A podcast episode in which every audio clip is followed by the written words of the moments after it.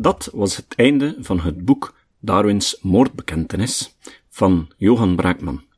Hij publiceerde dit boek in 2008 naar aanleiding van de 200ste verjaardag van Charles Darwin en de 150ste verjaardag van de uitgave van het boek over het ontstaan der soorten.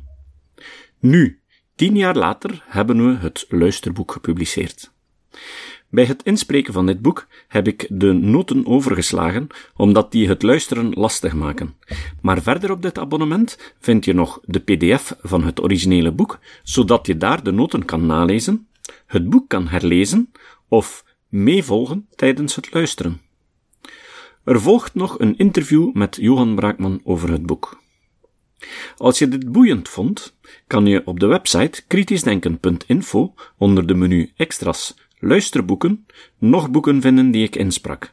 Onder andere het boek over het ontstaan der soorten van Charles Darwin.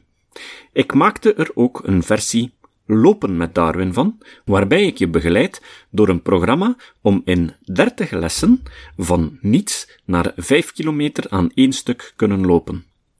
En als bonus heb je tijdens die training het volledige boek over het ontstaan der soorten beluisterd. Ten slotte wil ik u uitnodigen om gratis te abonneren op mijn podcast kritischdenken.info, waar ik interviews, live-opnames en discussies en interessante ingesproken teksten publiceer over hoe je beter kritisch kan denken. Je vindt er opnames met onder andere Johan Braakman, Maarten Boudry, Geert Machiels, Dirk Verhofstadt, Herman Philipsen, Griet van der Massen, Sebastien Valkenberg en vele anderen. Ik wens je nog veel interessant luisterplezier. Misschien tot later.